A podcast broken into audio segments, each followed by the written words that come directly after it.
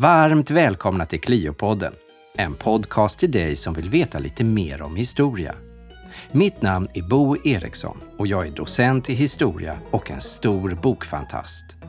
I varje avsnitt samtalar jag med en historiker eller en författarkollega om historia och nya utkomna böcker.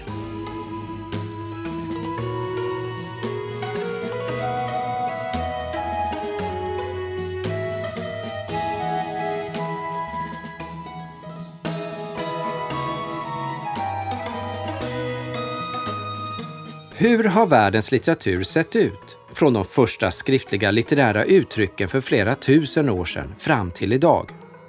I Natur och kulturs litteraturhistoria, redigerad av Karin Fransén och Håkan Möller, beskrivs flera tusen år av världens litteratur.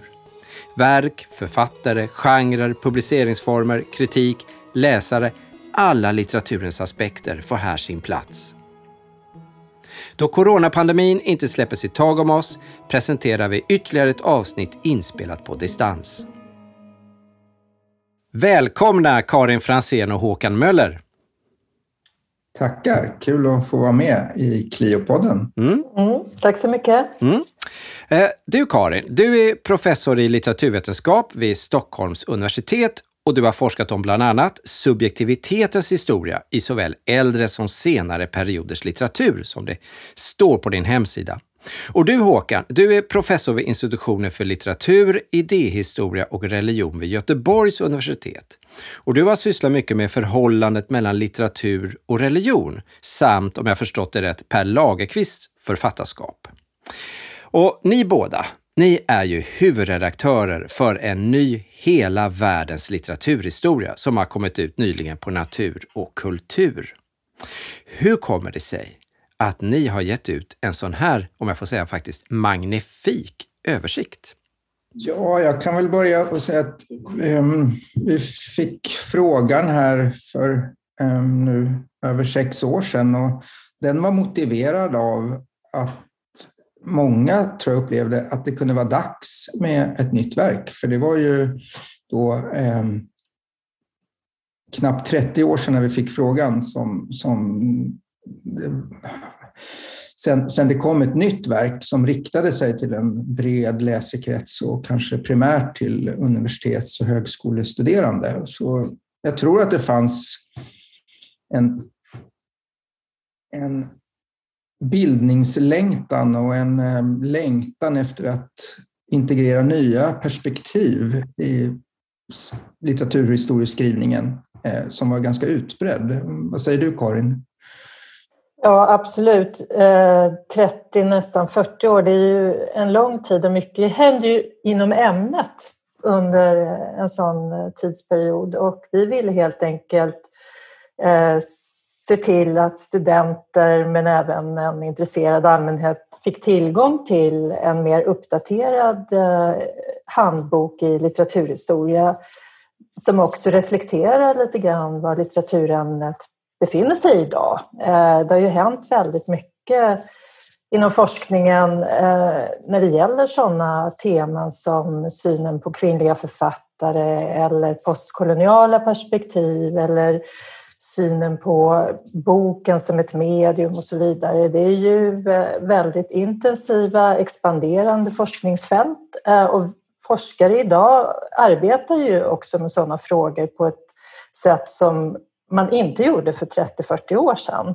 Så att vi ville helt enkelt att eh, aktiva forskare skulle bidra med en ny uppdaterad syn på vad litteraturhistoria kan vara idag. Ehm, så det, det är ju egentligen den och man kan ju säga på sätt och vis så, så gör ju ni det som vi historiker gjorde då för, ja, det är väl tio år sedan nu, när Norstedt ska ut en, en ny svensk historia, Sveriges historia då, som skulle ersätta Bonniers gamla. Nu, nu har ju inte ni skrivit då eh, en svensk litteraturhistoria, utan det är ju världens litteraturhistoria. Men, men det är väl så att det går liksom i intervaller, 20-30 år och sen känner man nu måste man liksom skriva det, en ny bok som är anpassad och uppdaterad eh, efter den senaste forskningen, men också anpassad då till, till, till den tiden. Och, och jag tycker er bok kom ju väldigt väldigt, väldigt lägligt också för att de, om ni håller med mig om det här då, men att jag uppfattar det som att de senaste åren har det ju varit en väldigt intensiv diskussion kring litteraturproduktion där, där då den stora farhågan är, kommer den tryckta boken gå i graven och vad kommer i dess ställe? Är det, är det liksom eh, ljudboken? Så det finns många saker som talar för att det behövs en sån här ny, ny syntes som, som ni har gjort. Ehm, men hur, var, det, var det ni själva som kom på det eller var det förlaget eller var det en dialog? Hur, hur, hur växte arbetet fram? Er? Jag blev tillfrågad av förlagsredaktören för över sex år sedan. Det var det, så det började helt enkelt. Och då så tyckte jag att det var en sån stor, en stor uppgift. Eh, så jag kunde, det första jag tänkte var att det här, jag vill inte vara ensam huvudredaktör. Och så hade jag och Karin samarbetat i andra sammanhang. Eh, och så, så jag, det skulle vara roligt att göra det här tillsammans med Karin, så jag frågade om hon ville vara med på båten. Eh, och när hon tackade ja så kändes det jätteroligt. Ehm, och, och då, då, var det väl, då tror jag att vi båda två, om du får rätta mig här Karin om jag har fel, men jag, vi har ju sagt det tidigare i samtal här att vi, man får, bara, eh, man får en sån här fråga en gång i sitt akademiska liv. Så det gjorde ju också att det var, kändes som att ehm, ja, det här ska vi nog tacka ja till. Ehm, och sen satte vi igång och började diskutera vilka, vi, eh, vilka medarbetare vi vi ehm, ville höra av oss till. Och roligt nog så tackade faktiskt alla ja som vi tillfrågade. Så det där vet man ju inte. Folk har ju mycket att göra och andra arbetsuppgifter och det kan kännas övermäktigt och så. Men, så det här bygger väldigt mycket på att, på, på att få ihop allas insatser. Det här är ett utpräglat lagarbete. Mm, det vill jag gärna alltså, betona, att det är ett kollektivt arbete och när Håkan eh, frågade mig om jag ville eh, vara en av redaktörerna till det här verket så, eh, så var det väl just den tanken att vi är redaktörer, det är inte vi två som ska författa det här verket som tidigare liksom, skribenter som Algulin Olsson eller ännu längre tillbaka i tiden då Böök och Tigerstedt och så vidare, att det var liksom en eller tvåmansarbeten, gigantiska bildningsarbeten. Men det här är liksom, det avspeglar ju också, tänker jag, Eh, moderniteten i det här verket. Att det, att det går inte att tänka litteraturhistorien ensam utan man måste tänka kollektivt och det är precis vad vi har gjort tillsammans med de 20-tal skribenter som har bidragit till de olika delarna i verket. Mm det finns liksom ingen idag som kan överblicka en, en hel litteraturhistoria. Det, det, det är liksom en omöjlighet. Ja, det, skulle bli, det blir för mycket. Det görs, görs sådana försök ibland, men det blir, det blir kompilat. Alltså det, det är ingen som kan behärska, utan då, då blir det ju, de sitter och klipper och klistrar mycket. Så här, här får, vi ju, får ju läsaren eh, bekanta sig med olika tidsskeden som är skrivna av personer som är väldigt inlästa på områdena. Eh, och som också kan skriva. Vi har varit väldigt måna om det, att eh, den språkliga framställningen och att det här arbetet inte ska vara en eh, encyklopedi, utan en uppslagsbok, då, utan mera en framställning, en berättande framställning där varje skribent har liksom fått bestämma själv hur den personen vill framställa den period som hen har ansvaret över. Mm. Intressant det du säger, därför jag, jag, när jag började läsa er bok så, så, var det en fråga som infann sig tidigt hos mig. Och, och det, det, är ingen kritisk fråga, utan det är mer en nyfiken fråga. För att när, när ni satte er ner då, planerade den här boken och ni hade valt era författare och alla hade sagt ja. Och, och ni, jag vet också att ni har haft minst två stycken större träffar, liksom workshops där man jobbar med texter och, och innehållet. Då tänkte jag hela tiden så här, vilka ska och måsten satt de och bråkade med, eller inte bråkade, satt, de, satt ni och funderade över. Eh, för det är klart att det är så att vi måste ha med det här. Som lärare kan man tycka, åh nej, men jag är så trött på det, jag har undervisat på det här i 20 år, måste vi ha med XXX eller YYY? Liksom, vilka är de här ska och måstena som ni hade initialt i arbetet? Kan ni berätta någonting om det? En utgångspunkt är att eh, verket ska kunna fungera inom undervisningen och vi kan ju liksom inte komma och försöka revolutionera den utan här så har vi ju gått in med en viss eh, erfarenhet. Alla skribenterna är ju vana lärare så att vi vet ju vad som behövs i undervisningen men också då genom vår egen forskning så vet vi också hur man kan förnya ämnet. Så vad man skulle kunna säga har varit ledorden i de instruktioner som Håkan och jag som redaktörer har arbetat med har ju varit tradition och förnyelse. Att vi har förvaltat traditionen, det är väldigt viktigt och vi är väldigt beroende av tidigare handböcker, vi är själva skolade i en tradition och så vidare. Det för vi med oss. Men också då den här strävan att förnya och uppdatera ämnet så att det motsvarar diskussionerna eh, på fältet idag helt enkelt. Mm. Håkan, vill du säga någonting där också? Eller? Nej, men det, jag tycker Karin uttrycker det väldigt väl. Det är, det, de orden säger väldigt mycket om hur vi har ar, arbetat och tänkt under de här åren. Tradition och förnyelse. Det man kan tillägga när det gäller förnyelse det är väl att vi har varit noga med att det som vi tycker är nya bidrag till den här litteraturhistorien, de ska integreras i framställningen på ett sätt som gör att det känns självklart. Vi har varit ganska tuffa om vi har sett tendenser till polemik mot äldre framställningar och äldre ståndpunkter och så.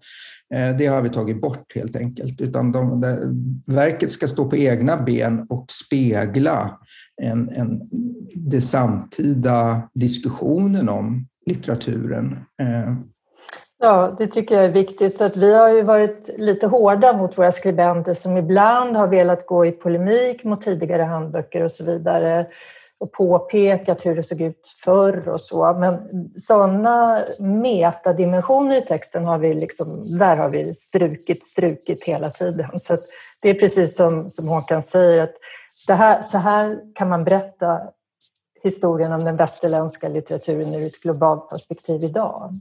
Det här är en berättelse och det är liksom rakt på sak, sakligt så. Nej, devisen har varit eh, vårt verk blir inte bättre för att vi snackar strunt om föregångare eller andra framställningar. okay, det, är, det är en bra devis. Jag tycker man alltid ska ha med sig i för sig, såväl avhandlingar som vanliga böcker. Eh, men då måste jag ju ställa frågan på sin spets då. Vad är då nytt i förhållande till det som har varit tidigare? Man kan, jag kan ta upp ett exempel så kan Karin fylla på säkert med flera. Men Eh, Eh, förutom det vi redan har nämnt med eh, att de nyare perspektiven på som, som har vunnit insteg inom humaniora generellt som finns representerade i verket så kan man ju nämna då något exempel. Och då, så när, I början av 1800-talet, eller en bit in på 1800-talet, när bokmarknaden expanderar eh, väldigt påtagligt och läsarna blir också fler och romanförfattarna eh, har en marknad där man kan faktiskt eh, göra karriär. Eh, det tycker jag lyfts fram på ett sätt som inte har gjorts tidigare och inte minst de kvinnliga författare som då är verksamma och hur enormt framgångsrika de är. Till exempel Fredrika Bremer eh, blir lanserad i både Storbritannien och USA då som en ny, en svensk Jane Austen. Eh, och det här är ju en exportsuccé, eh, svensk exportsuccé kan man säga. Långt före Volvo. Så eh, det, det tycker jag ges ett helt annat utrymme eh, den sidan utav eh, 1800-talets eh, romanskrivande och romanläsande. Jag tänker att alla avsnitten, alla huvudavsnitten har ju eh, satt in litteraturen i olika kulturella, sociala och medhistoriska sammanhang. Eh, och det är i och för sig ingenting nytt, men det som betonas kanske tydligare här än i tidigare litteraturhistorienböcker, det är ju just eh, vad ska man säga, det mediehistoriska perspektivet och sen då genusperspektivet är så självklart. Så det, är liksom, det bara finns där, att, att eh, kvinnliga författare har varit liksom en, en given del av den västerländska litteraturhistorien. Det finns inte längre någon sidovagn, skulle man kunna säga, där för dem. Eh, I det här verket i alla fall. Sen eh, skulle jag vilja betona att så här, genomgripande så har ju vi arbetat med då en västerländsk litteraturhistoria eh, medvetna om att eh, eurocentriska perspektivet på något sätt är ofrånkomligt men också problematiserat. Och vi har ju därför velat... Alltså det här är inte en världslitteraturhistoria för det är inte så vi undervisar i litteraturens historia idag på svenska högskolor och universitet. Men det är en litteraturhistoria utifrån ett västerländskt grundperspektiv som öppnar upp för de globala perspektiven på ett helt annat sätt än vad man skulle kunna ha gjort för kanske 30-40 år sedan. Då. Och därför har vi ju eh, anlitat ett antal Eh, experter som har skrivit om den utomeuropeiska litteraturen och den delen är liksom integrerad i alla huvudavsnitt. Så där finns det inte heller någon sidovagn. Så jag tänker att en, en förnyelse som vi har velat bidra med det är att ta bort alla de här sidovagnarna som har funnits, som man liksom har lagt på. Åh, det här måste med och det här måste med. Utan istället försöka integrera såväl postkoloniala perspektiv utomeuropeiska perspektiv som genusperspektiv på ett mer självklart sätt i den här framställningen. Eh, och det innebär ju också att den här mer traditionella historien om den västerländska litteraturens framväxt, eh, den förändras ju. Det uppstår ju en ny dynamik, kontrapunkter mellan de här nya integrerade avsnitten då i, huvudav, i huvudkapitlen. Eh, och det, det tänker jag är, är spännande. Så även om vi inte kanske har resurser eller möjligheter att undervisa om all världens litteratur idag så, så, finns ju hela tiden den här medvetenheten om att det eurocentriska perspektivet hela tiden är, liksom relativiseras och eh, förändras beroende på var man lägger betoningen någonstans. Och det märkte jag till exempel i, i an, avsnittet om antiken, så integreras ju de här eh, utom europeiska perspektiven väldigt fint i texten då, att det kommer avsnitt som handlar om Kina, om Sångernas bok och allt vad de heter, eh, strax efter eller före man läser om, om Aeschylus och Sofokles. Så det blir som ett samtal, tycker jag också, en dialog mellan det asiatiska och det europeiska utan att det uttryckligen står så, utan där får läsaren själv fundera, tänk att det här äger rum ungefär samtidigt som vi ser i antiken, utan att det har varit förbindelser. Vad säger det om, om de två då stora civilisationerna i, i sin tid och hur litteratur produceras och vilka ämnen som behandlas? Man kan se likheter, man kan se skillnader. Så det tycker jag, det, det, där har ni ju alldeles rätt. Det är ju helt någonting då som är nytt i det här, att det blir en annan typ av berättelse, eller hur? Ja, det är lätt att det där blir snuttifierat så att man vill demonstrera att det äger rum någonting i Kina ungefär så blir det en väldigt liten bit som eh, Karin kallar det träffande för sidovagn och man kan också säga det, är den sista eh, vagnen i hela tågsättet så hängs det på lite grann från olika delar av världen som eh, eh, ska, ska illustrera att det faktiskt skrivs saker och ting på andra håll. Så här är det ju mycket mer utarbetat de här, att demonstrera de här parallella skenorna som, som finns. Men håller ni med om att, att ju längre fram i boken man kommer, desto mer ser man av litteraturens transnationella rörelser.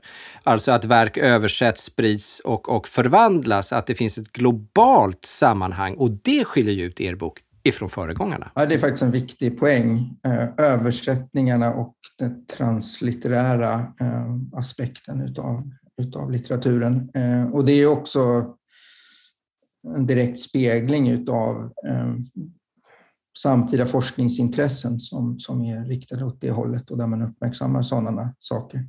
Så det, det har du alldeles rätt i. Det, jag kan lyfta fram en annan sak som är, blir nytt när, när, som när att de ins, kvinnliga insatserna i litteraturhistorien på ett självklart sätt finns med. Men eh, det har också inneburit att mm, an, lite andra miljöer än vad man traditionellt har så att säga, besökt när man skriver en sån här eh, litteraturhistoria lyfts fram eh, för att kvinnor i äldre litteratur hade inte tillgång alla gånger till samma arenor som männen och då så är det andra miljöer och sammanhang där det skrevs litteratur. Så att även de, den typen av kulturhistoriska Eh, förnyelser eh, finns med i, i, i vårt verk. Eh, Karin har du berättat själv om salongslitteraturen men ehm, eh, även, även tidigare i medeltidsavsnittet så tycker jag att Hildegard av Bingen till exempel, från 1200-talet, får ett annat utrymme där man ser att just den religiösa, eh, på den religiösa arenan, det var ett självklart rum där kvinnliga, där kvinnliga skribenter kunde komma eh, till tals och hade möjlighet att både verka som skrivande och talande personer.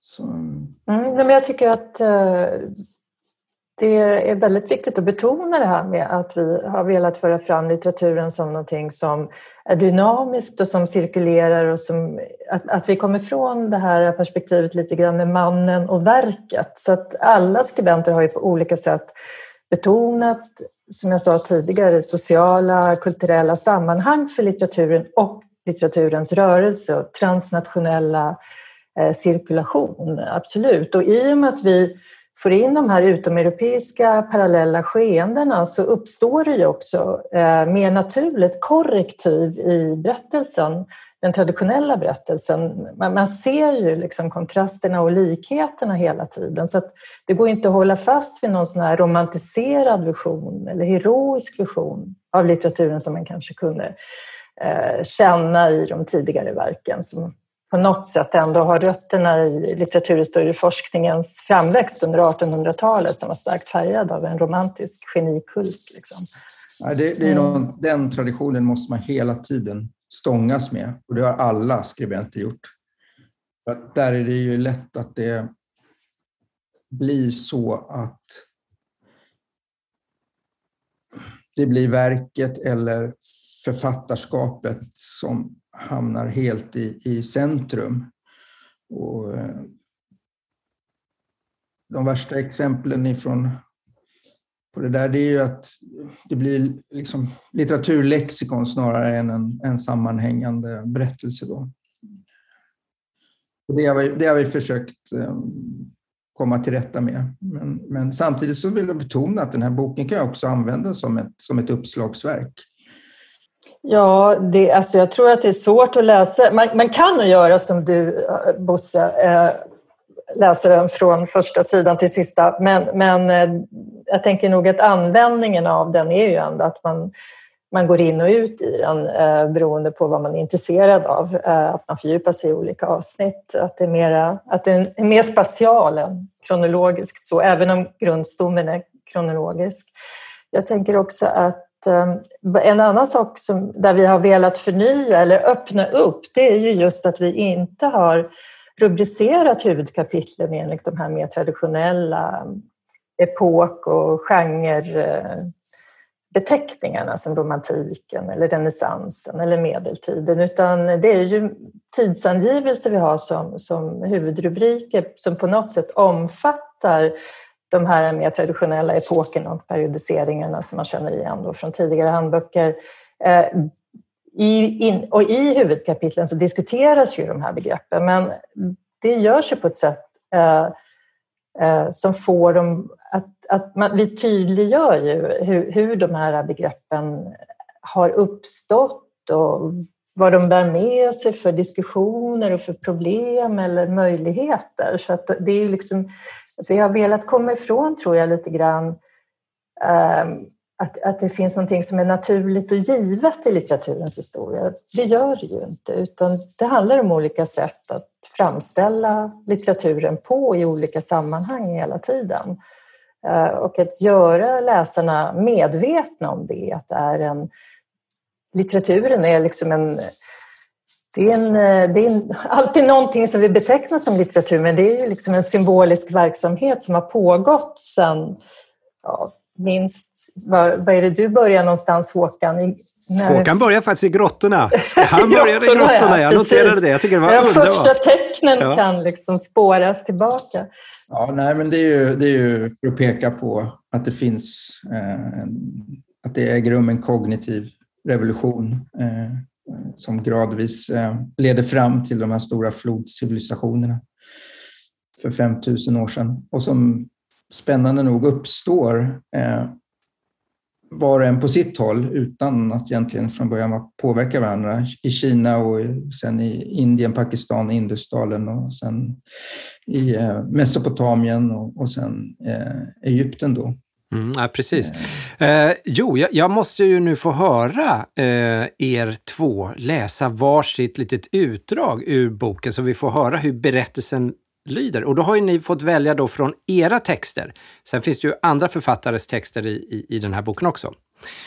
Vem, vem vill börja? Vill Håkan börja? Jag kan börja, men då vill jag först säga eh, en sak som vi har mm, inte nämnt tidigare. Det är att den här, eh, som vi också uppfattade som ett nytt inslag i ett verk av den här typen. Eh, och det är de här fördjupningsartiklarna som, är,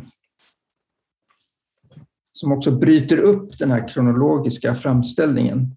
Eh, och här har vi velat peka på litteraturens ständiga samspel med andra faktorer och att litteraturen aldrig kan isoleras från andra, andra eh, konstarter, från religion, filosofi, politik och sådana storheter.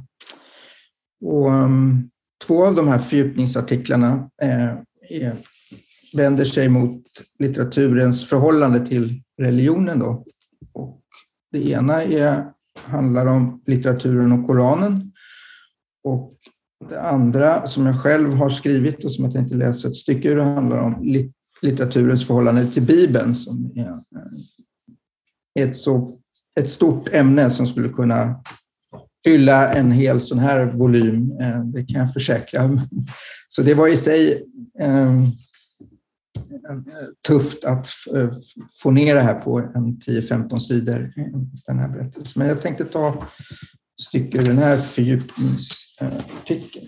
Och jag har valt att behandla ämnet ur två aspekter, ska jag säga. Först att ur två övergripande perspektiv som jag har här. Det är Bibeln som litteratur och Bibelns förhållande till annan litteratur.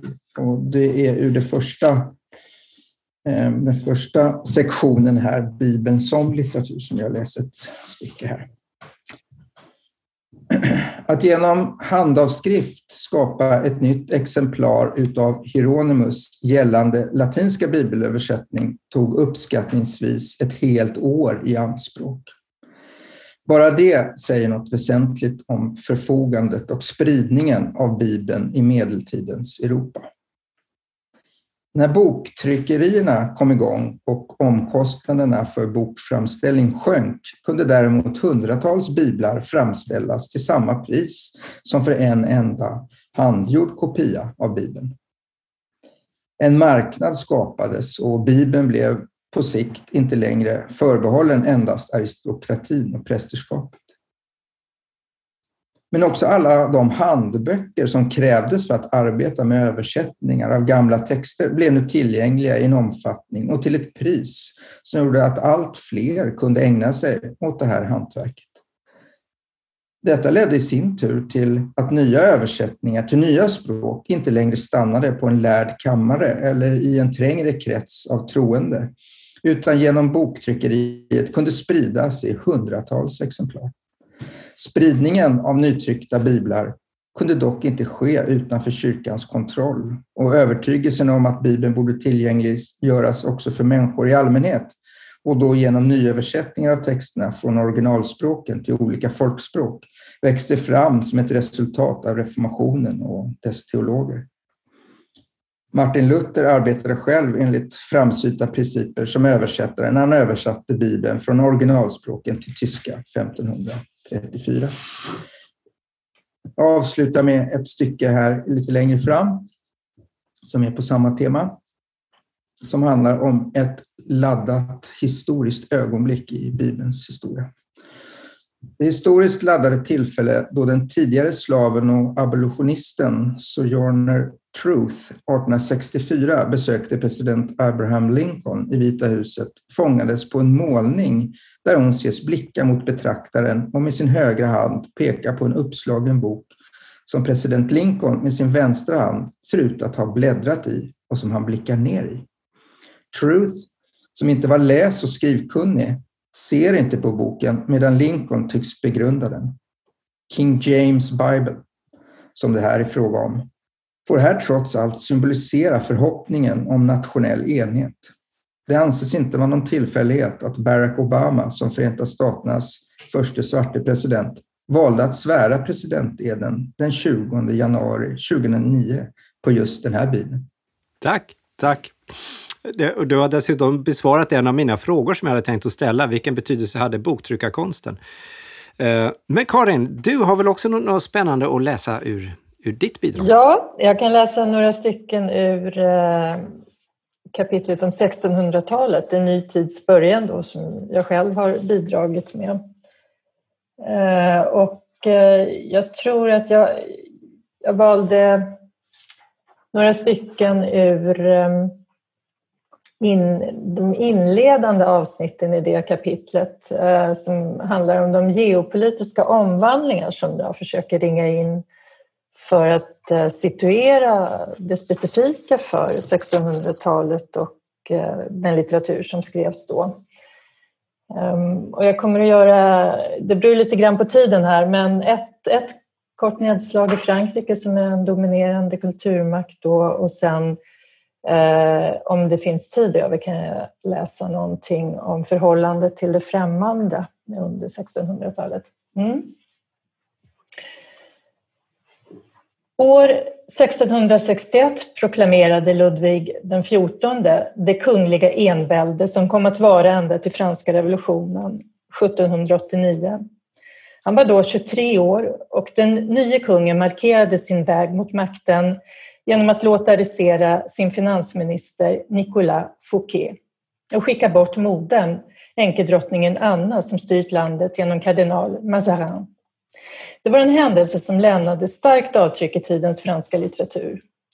I Madame de Villedieus tragikomedi Le Favori, Favoriten, som framgångsrikt framfördes av Molières teatergrupp 1665 inför den unge kungen framställs den med diskret satir som tidens stora politiska skandal. Ett annat exempel som blottlägger maktens spel i Fouquet-affären står att läsa i ett av Madame de Sévigné's berömda brev, där hon beskriver hur en grupp kvinnor ur den avskedade finansministerns familj knäböjer inför kungen. Kungen ser inte dessa stackars kvinnor som hade kastat sig för hans fötter.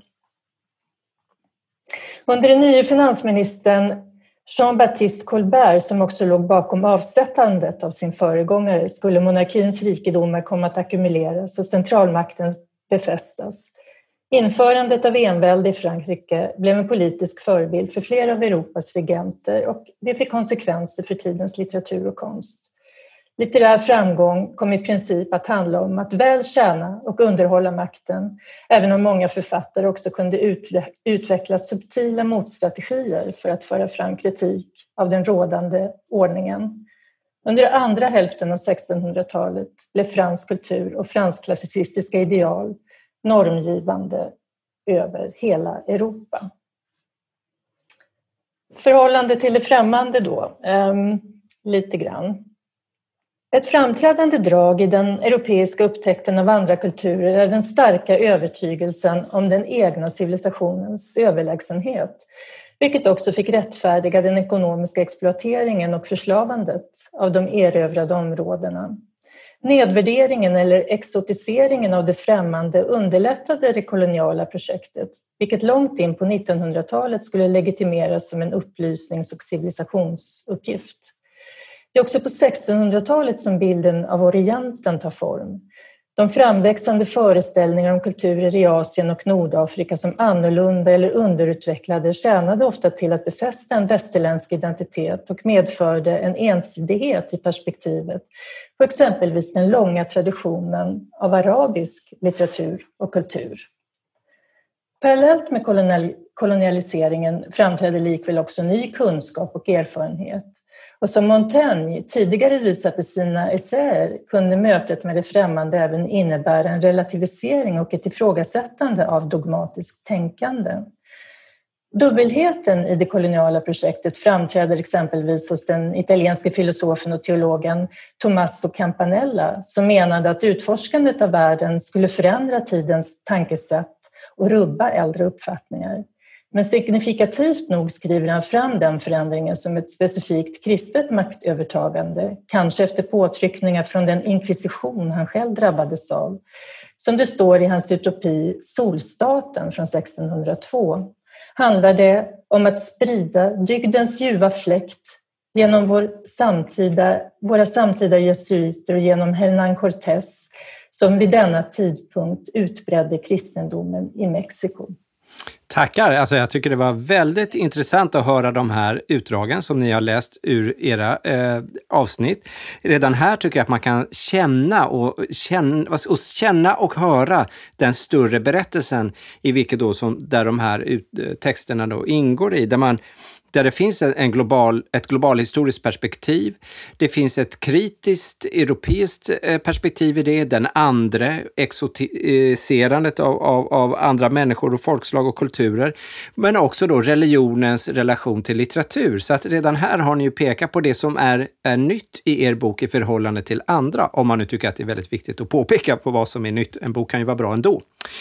Eh, jag vill alldeles snart här runda av, men innan vi gör det så undrar jag en sak, för jag tror att med oss så har vi flera lyssnare som tillhör en yngre generation än vad, vad vi gör. Det är bara, man måste erkänna verkligheten att så är det. Och den här yngre generationen brukar som regel vara ganska intresserad av genrer som fantasy, science fiction och skräck, alltså det som då tidigare lite sådär har marginaliserats i populärkulturen och populärlitteraturen, eller masskulturen. Finns det med i er bok? I, sista, I sista avsnittet så finns det eh, de samtida genrer som du nämnde här finns väl företrädda i det sista avsnittet eh, som löper från 1950 till idag. Mm. De kommer inte bli besvikna. Det tillhör också de, de aspekter utav litteraturhistorien som är det är ofrånkomligt att lyfta fram och belysa idag.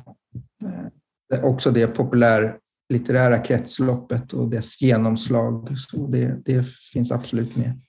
Ja, nej, men vi följer vad ska man säga, det som vi kallar litteratur, litteraturens utveckling från de första skriftkulturerna som vi redan var inne på tidigare till eh, dagens medieteknologiska utveckling med ljudboken du nämnde tidigare och även uh, överhuvudtaget digitaliseringen uh, och vad den medför uh, idag. Litteraturen är ju, världslitteraturen är ju inget objekt. Hur menar Utveckla, hur menar du då? Nej, det är ju, man kan bara fånga det i flykten och det är det vi har gjort här. Mm, mm. Det, är ju, det är en ständig, alltså det är ju inget fast objekt. Det, det är inget, utan det är något som hela tiden händer. Och det här är våran eh, mer, eh, det här är våran rapport. ja, precis. I inledningen så skriver ni, litteraturhistorien är inte statisk utan i ständig rörelse. Och det här, nu får vi vara med på tåget en liten bit och sen om, om några år, 10, 20 eller vad det kan vara, 30, 40, så kommer det en ny, ett nytt tåg så att säga, som för den här berättelsen vidare. Hörni, eh, nu ska ni få den berömda, den, den här frågan som alla här, både lyssnare och alla mina författare som är med, bara väntar på. Och det är frågan, vem ska läsa er bok, tycker ni? Vem vill börja? Ja, jag kan ju börja. Alltså vi har ju varit inne på det tidigare att eh, det framförallt är en bok som vi kommer att använda, tänker jag, inom högskolor och universitet. Men eh, den är ju skriven på så sätt att en intresserad allmänhet kan läsa den. Eh, och eh, vi har ju inte använt oss av ett eh, specialistspråk på något sätt utan den, vi har ju strävat efter en, en framställning som ska vara läsvänlig även för personer utanför eh, det akademiska. Så att, eh, jag, tänker, jag hoppas på en bred publik helt enkelt. Jag eh, brukar ju säga att eh, det som man ofta eh, framhöll som den här eh, tänkta läsaren för humanistiska alster generellt, nämligen den allmänbildade landsortsläkaren. Jag, hopp, jag hoppas att eh, vederbörande ska återuppstå och kasta sig över den här eh, boken. Eh, och eh, då tänker jag inte på landsortsläkaren i Madame Bovary eh, nödvändigtvis, utan alla som någon gång har fängslats av ett litterärt verk tror jag kommer att finna anledning att bekanta sig med den här boken. För troligtvis så kommer det stå något både intressant och nytt om det verket i den här världslitteraturhistorien. Natur och kulturs litteraturhistoria redaktörer Karin Fransén och Håkan Möller. Hörni, tack för att ni ville komma och gästa oss i Cliopodden. Tack så mycket. Tack.